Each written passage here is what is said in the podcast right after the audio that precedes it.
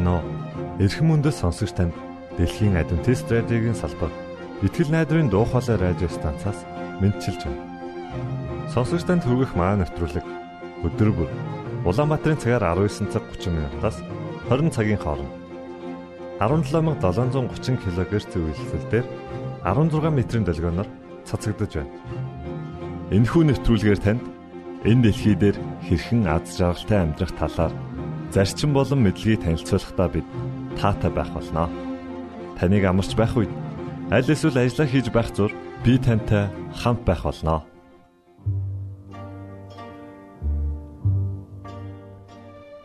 Энэ өдөр бол Бурхны бидэнд бэлэг болгон өгсөн амралтын өдөр үлээ. Иймээс би танд пастор Нэмсрэнгийн номлосон сургаал номлыг хүргэх гэж байна. Та үүнээс өөрт хэрэгцээтэй амьдралын чухал зарчмуудыг олно гэдэгт би итгэлтэй байна.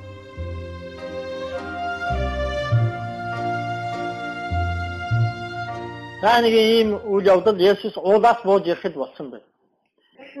Есүс уулан дээр сургаал номлож байсан. Тэгээд э, тэндээс тараа явсан.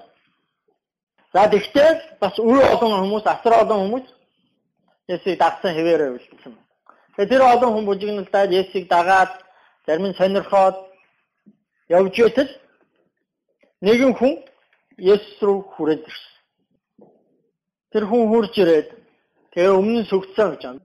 За тэр хүн ямар хүн байсан бэ гэхээр уйман өвчтэй хүн гэж байна. За энэ уйман өвчин гэдэг нь юу юм бэ? Яадаг гайхал вэ? Уйман өвчний тухай ийм мэдээлэл байна. Одоо сонсъё. Дорн дахин дэлгэрсэн бүх өвчний дотроос хамгийн аюултай нь уйман өвчин байлаа. Эмчлэгдэшгүй. Халдвартай бөгөөд аюул дуршигыг дагууртай уршигын дагууртай энэ өвчнөөс хамгийн зоригтой хүмүүс ч айдаг байваа. Еврейчүүд энэ өвчнийг нүглүүдийн төлөөс төлөөх бисгээл гэж үзэж Бурхны ташуур гэж нэрлэдэг байв. Бүх эд эсийг гэмтээдэг, эмчлэгдэггүй. Үхлийн аюултай энэ өвчнийг нүглийн шин чимээн үздэг байв. Тэр үеийн хуулиар энэ өвчин туссан хүнийг бузар гэж зарладаг байжээ.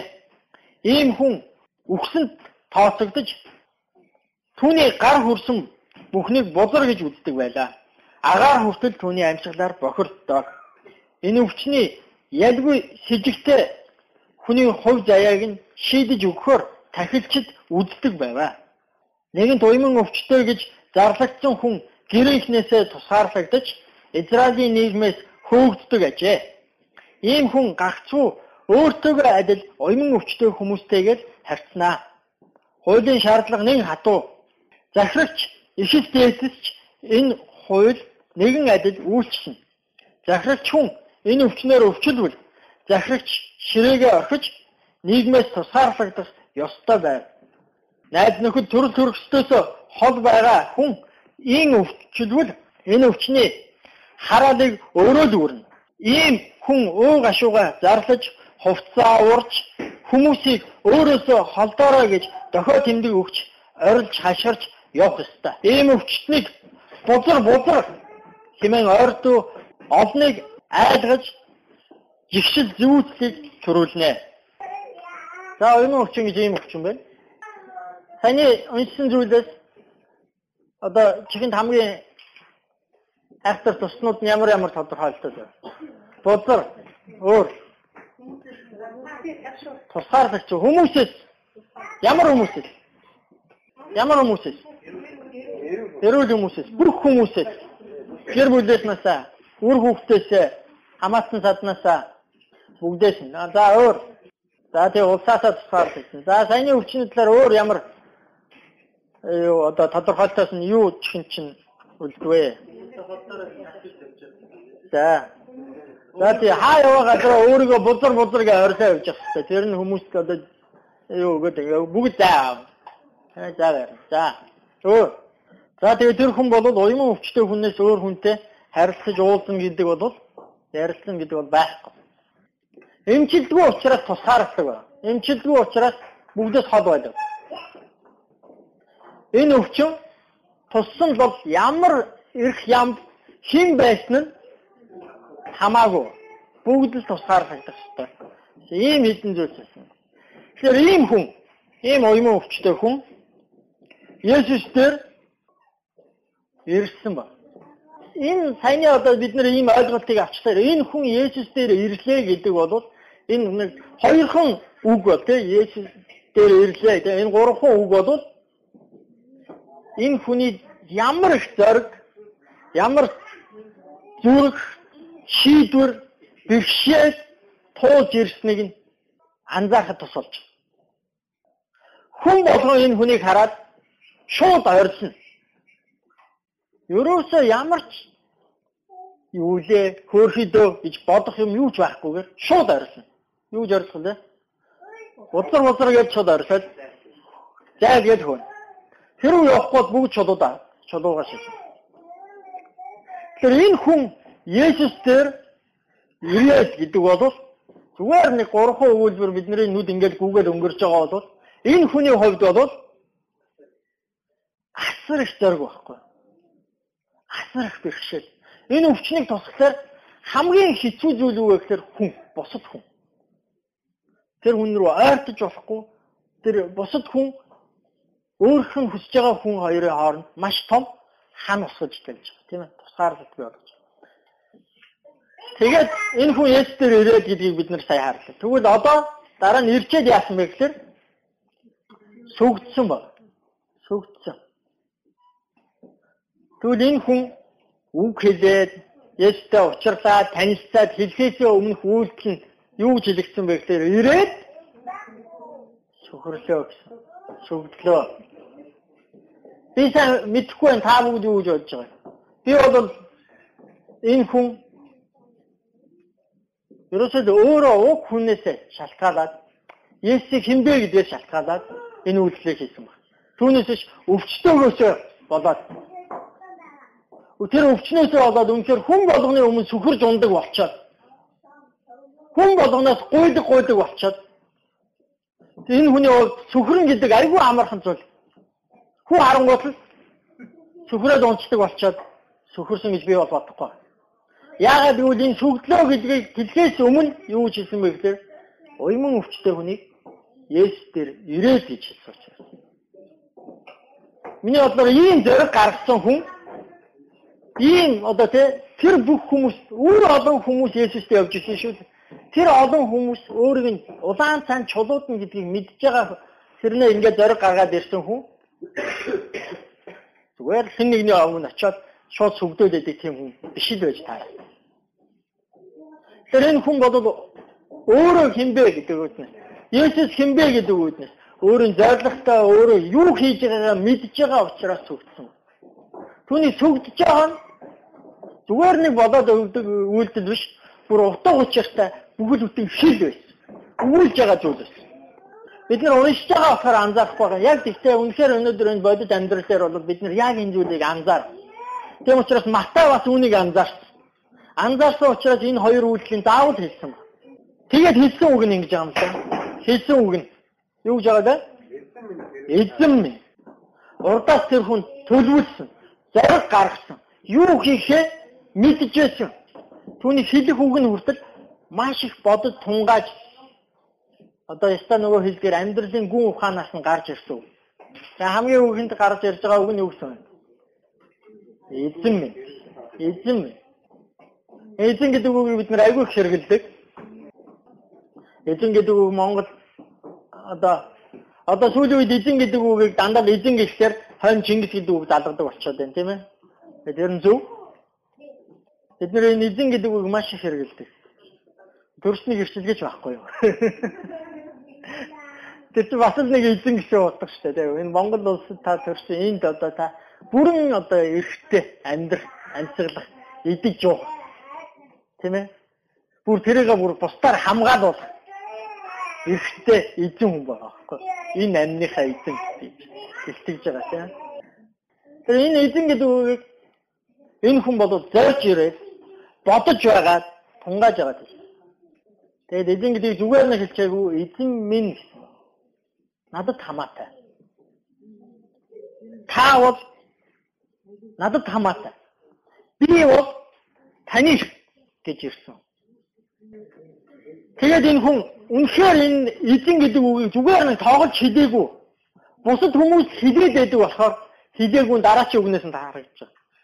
Тэрний үгээр хэрв та хүсвэл Үнэхээр эзэн юм бол эзний хүсэл миний хүслээс урд байх хэрэгтэй. Илүү байх хэрэгтэй.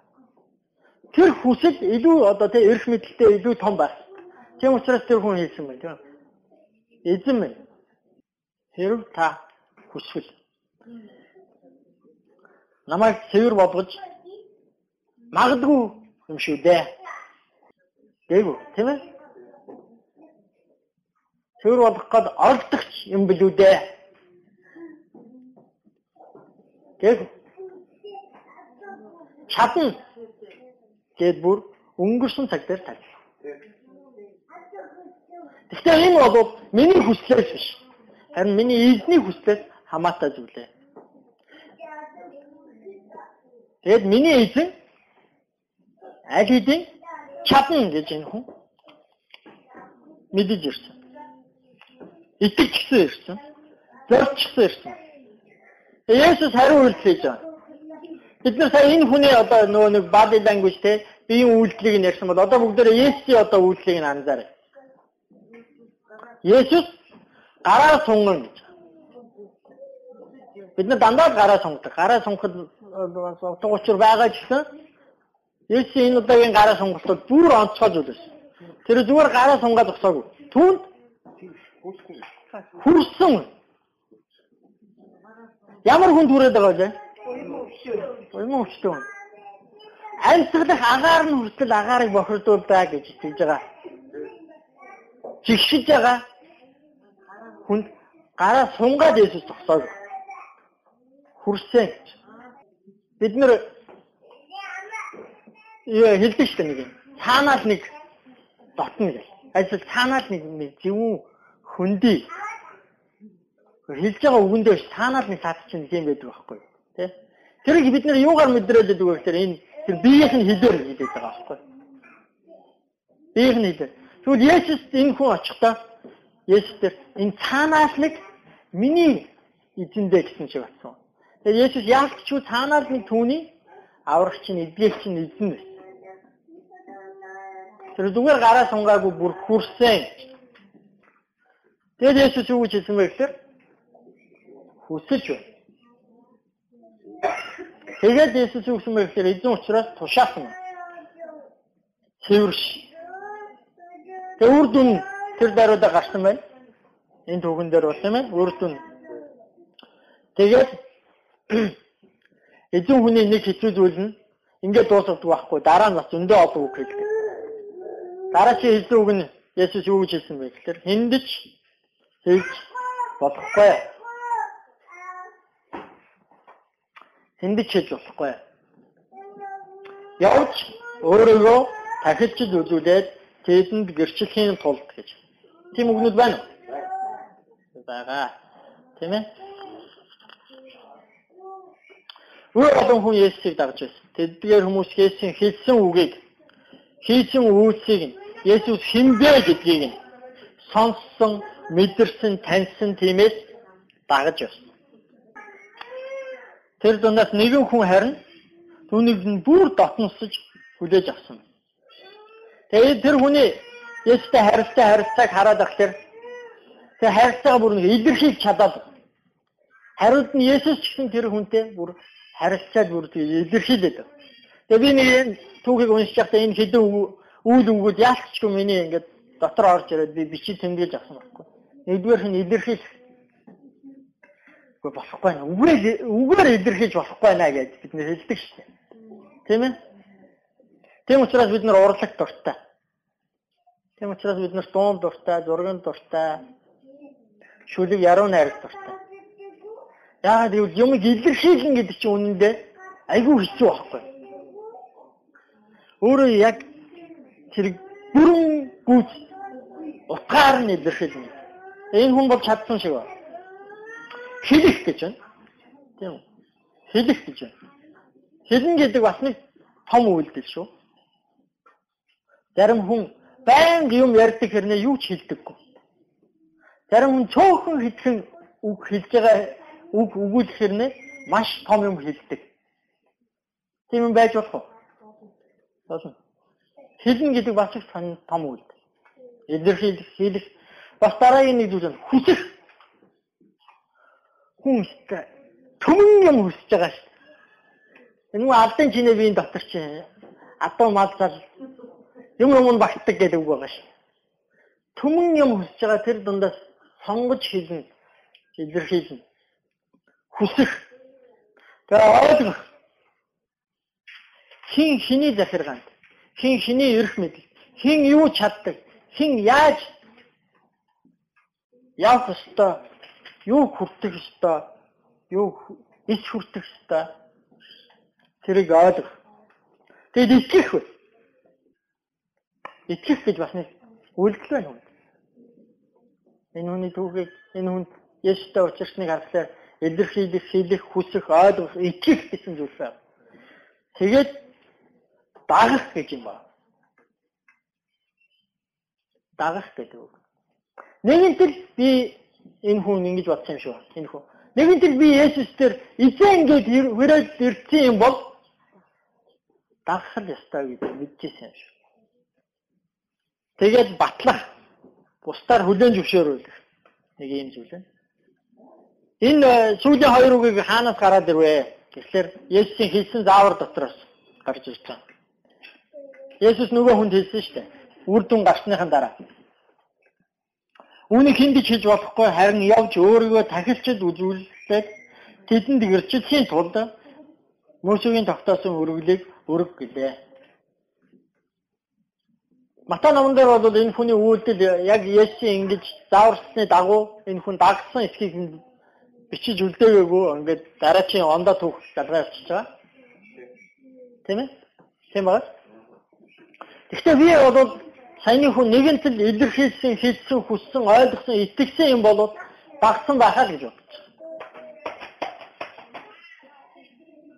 Тэгэд өөрөөхөө тэр Мосегийн өргөлөөр өргөө гэдэг нь ямар утгатай юм бэ гэхээр тэр батлах утгатай. Оймон өвчтэй хүн эдгэрч боддог. Гайхамшигар эдгэрдэг. Гэхдээ тэр хүн идэгсэн гэж өөрийгөө тунхаглаад явж болдоггүй. Тэр хүн тэр тахилч гэдэг хүмүүстээр очиод өөрийгөө шалгуулна. Бүх юмаа шалгуулна. Яг нөгөө цэргийн комист үзлэгт орж байгаа юм шиг тийм ээ. Бүх юмаа шалгуулад тэгээ тэр тахилч тунхаглах хэрэгтэй. Гэрчлэх хэрэгтэй. Энэ хүн эдгэрсэн байна. Тэр тэр тахилч гэрчлэж тунхаглаж өгөх юм бол тэр хүн эргээд ах トゥ утгаа хайртай хүмүүстэйгээ үр хүүхдүүдтэйгээ эргээд очиж бол. Өөрийнхөө ард түмэнтэй нийлж бол. Тийм учраас тэр гэрчлэл, тэр тунхаглал, тэр баталгаа чухал байсан.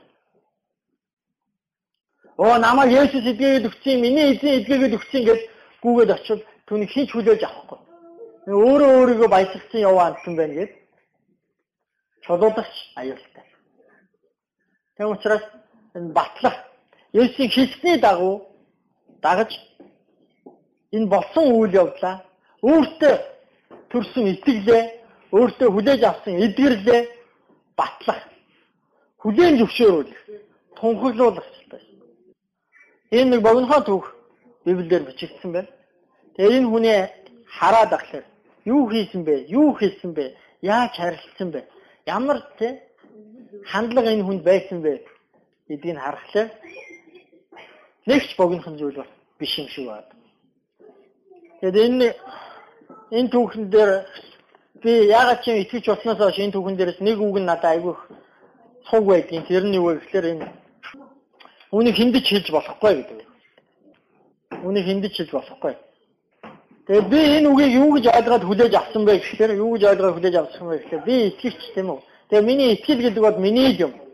Энэ бол нууц юм. Хүн задлах шаардлагагүй. Би өөрөө итгэж болохтой айлын гэрт амьдарч исэн.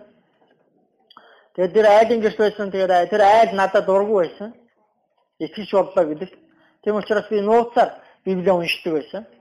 Тэр үед Библи ингээд бүтнээр хэвлэгдсэн юм байгаагүй шинэ гэрээ байсан. Тэгээд шинэ гэрээ харьцангуй нингэн сте. Тэгээд би дандаа ингээд ингээд хийгээд явдаг байлаа. Гадуур нь цамцаа тавиал. Эсвэл эндээ ингэж хийгээл. Би гэхдээ итгэж болоод сүмд очингуудаа хэлсэн л дээ. Би одоо Христэд итгэж болсон. Бям гараг болгон би сүмд явж байна. Бям гарагт би юу ч хийхгүй. Та нар тэгээ юу ч хийхгүй гэдэг нь юу вэ гэхээр яа тэд нар намайг ямар нэг юм зарахгүй, юм хүнд явуулахгүй, тэгээ ажил хийхгүй гэдгийг нь хэлж байгаа байхгүй. Юу ч хийхгүй.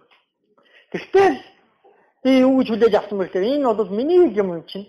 Энэ нанд юм, энэ нууц юм энд хийх шаардлагагүй тийм. Би зүгээр яах гэж хэлсэн бэ гэхээр өөрөө өөртөө бям гарагт эрхчлөө авах гэж л хэлсэн. Түүнээс биш энэ миний итгэл чи таньж мэд гэсэн утгаар ерөөсөө хэлээгүй. Тэр учраас би Библийг дандаа нууж өгдөө. Дандаа ганцхан дотороо ингэж хэлсэн. Бүсэндээ авчилсан. Тэгээд энэ үг надад нэг сон тэгээд үлдчихлээ. Гэрчлэлдээ хиндэж ярьдаггүй. Гэтэ би Библиэс сүмээс сүмийн хүмүүсээс сурсан зүйлсээ байнга найз нөхдөйгөө хуваалцдаг байсан. Гэхдээ яг ингээ хүн юм сурахлаар мэдлэгээр яаж ч хэл захтнаад байдаг шээ. Хүнд хэлмээр санагдаад байдаг байхгүй. Зүгээр сууж болдог. Тэгээд найз нөхдөөрөө очиад бид нартай уулзаад тоглож найруулаад хөрж явж байгаа л тэгээд яг нэг боломж гараад ирэнгүүт.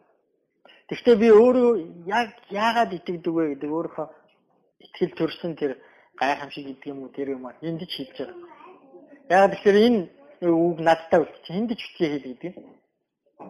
Тэгсэн чинь өнгөрсөн 7 хоногт хоогоос хоёр нэг ярилцсанд орлоо. Тэгсэн чинь тэрэн дээр нь заавалчгүй яригнэ. Яа. Яаж хэрэгцээ дэлгэрч болсон яар. Гэхдээ тэгээд одоо ярихаас биш яах вэ? Ярилцсанд орж байгаа чинь. Тэгээ ярьлаа. Тэгээ ярьсан чинь би нэр ямар гоё гайхамшигтай бурхан дээр хүрээд ирсэн бэ гэдэг өөрөө ойлголоо. Нөгөө ч айгүй нандинаас хэнд ч хэлэхгүй нууц юм гэж бодоод яваад байсан чинь нөгөөтгийнхөө нандин сайхан чухал үнэн үн чинтэй гэдгийг мартсан. Нөгөө чинь дивэрсэн. Сайхан юмыг хадгалаад ахлаар яадаг үлээ. Тэ хэдийн сайхан шарыг нь хэдэн олгоо иччих үстэй канал дээр байдаг тэ алт мөнгө хүртэл тэр айхсан нөгөө үнтэй одоо он цагийн эдлэгийг даадаг гэдэг байгаа юм чи хүртэл өнгөлж явах хэрэгтэй байлаа шүү дээ тийм үү? Тийм байлаа. Би баян айлыг харж байсан. Мөнгө эдлэлтэй, мөнгө халбах зэрэгтэй. Тэгээ тэрийг сар болгон өнгөлдөг юм байлаа. Тэгэхгүй тэр чинь ингээд өнгө алдчих юм ба дээ. Харлаад ихэд юм. Тэгээ би өөрийнхөө гэрчлэлийг өөрийгөө бурханд яагаад итгэсэн бэ гэдэг айгүй нанди юм, үнтэй юм гээл далд хийгээд байсан. Нөгөө чинь нэгсэн чи тоос шорондоо дарагдаад ингээд үн цэнгүү болчихсон миний хувьд. Тэгэд нэг ярьсан чи яалтчгүй хүн ингээ ярь гэсэн учраас ярихаас өөр аргагүй болоод ярьсан чинь нэрээ ямар нанд юм бэ? Ямар чухал юм бэ? Оо богинохон байг хамаагүй. Ганцхан миний түүх байг хамаагүй. Гэтэл маш үнцэнтэй юм байна гэдэг. Энэ хүний түүх гэсэн богинохон байг хамаагүй дөрөвхөө шүү дээ, тийм ээ. Гэтэл энэ үнцэнтэй. Бүр мөнхийн үнцэнтэй учраас Библиэлд байна. Энэ хүн юу хийсэн? Биеийнх нь үйлдэл юу байсан? Сэтгэл нь юу байсан? Хэл нь юу хийсэн? Бүгдээрээ бичсэн. Тэгээд би та бүгдийн гэрчлэлж гисэн, та бүгдийн үнэхээр итгэл төрсэн зүйл гисэн. Миний шиг бити зэвэрчээсэ. Үн чинээ бити алдчихаасаа гэж. Та бүгд гисэн тэрийг нэг уудлаад үз. Өнгөлөөд үз. Өнгөтэй зүйл юм байлээ. Үнтэй зүйл юм байлээ. Тэгээд тэр дунд болсон олон мэдрэмжүүдийг би одоо хуваалцаж чадахгүй, баярлаж чадахгүй, уйлж чадахгүй, ганцаардаж чадахгүй тийм ээ. Тийм ч гэсэн. Тэгээд энэ дунд миний одоо сэтгэлээс гардгүй зөндөө олон зүйлс байна. Миний хүүхэд өвдсөн, миний дүү өвдсөн, одоо итгэлээр соригдож исэн тэр бүх зүйлс байна тийм үү. Энэ бүгдээ би өнгөлж байхгүй бол, эргээд дурсаж байхгүй бол хэдий сайхан зүйлс байсан хэрэнд зэвэнд юм дарагддаг юм. Тэр учраас энэ богинохон ч гэсэн энэ түүх бас энэ уйман өвчтэй хүний түүх Матай номон дээр бичсэн. Энэ хүний түүхийг үйлдэлтэй нь үгтэй, үр дүнтэй, дуулууртай байдалтай цогтно үлдээсэн. Итгэж хүн болгоноос ч гэсэн юм байна. Танаас ч гэсэн юм байна. Тийм учраас тэрийг гаргаж өнгөлж байгаарай. За тэгээд энэ зүйлийн төлөө бүгд хамтдаа залбирцгаая. Эхэж Есүс минь олон хүмүүс таныг үнэхээр үнэн сургаалыг хэлдэг. Олон хүмүүс таныг үнэхээр зөв юм ярьдаг. Олон хүмүүс таныг бас ач тустай, ашигтай, ивэртэй гэдгийг мэддэг. Тэгээ цөөхөн хүн үнэхээр таныг эзэн минь гэж дуудаж цөөхөн хүн үнэхээр танд итгэж дагаж эдгэрлийг авралыг олдог. Өнөөдөр бид нэр тийм түүхийг Матайгаас уншлаа. Тэгэхээр энэ түүх бол чухал түүх байсан. Энэ түүх бол үн цэнтэй зүйл байсан гэдгийг та бидэнд сануулж энд үлдээсэнд баярлалаа.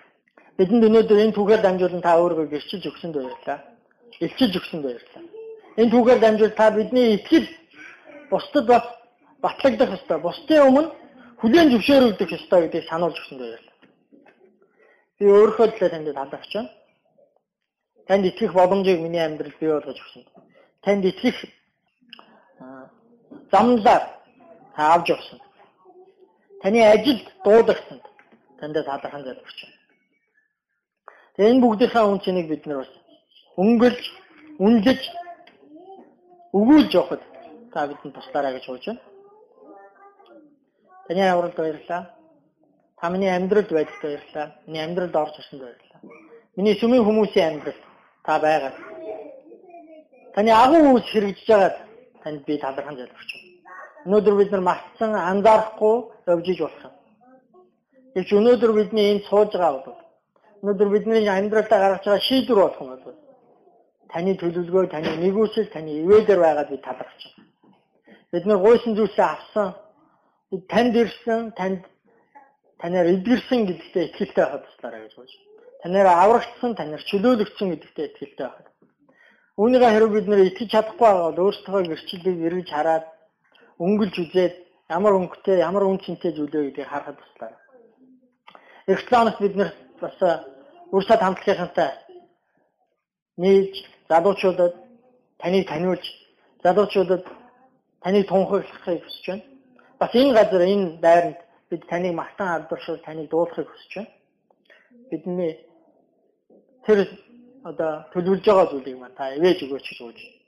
Бас бид бид удахгүй Эрдэнэтэд очиж бусад сүмийн ах эгч дүүс нартайгаа бидэнтэй адилхан гэрчлэлтэй бидэнтэй адилхан итгэлийн баталгаа авралын найдвартай хүмүүстэйгээ спортын наягам хийх гэж байна. Тэгээ тэр наадмын маань үйл ажиллагаа бидэнд ивэж өгөөрэй гэж гуйж байна. Олуулаа очиж олуулаа хөгжилтэй гэмтэлгүй баяр хөөртэй наатаж тоглоход бидэнд туслаарай гэж гуйж байна. Энэ бүгдийг Есүс Христийн нэрээр даатан хэлбэ. Итгэл найдрын дуу хоолой радио станцаас бэлтгэн хөрөгдөг нэвтрүүлгээ танд хүргэлээ. Хэрв та энэ өдрийн нэвтрүүлгийг сонсож амжаагүй аль эсвэл дахин сонсохыг хүсвэл бидэнтэй дараах хаягаар холбогдорой. Facebook хаяг: Латин үсгээр Монгол заавад AWR Имейл хаяг: mongol@gmail.com Манай утасны дугаар 976 7018 24 9 Шуудангийн хаяцаг 16 Улаанбаатар 13 Монгол улс. Биднийг сонгон цаг зав аваад зориулсан танд баярлалаа. Бурхан таныг ивээх батугай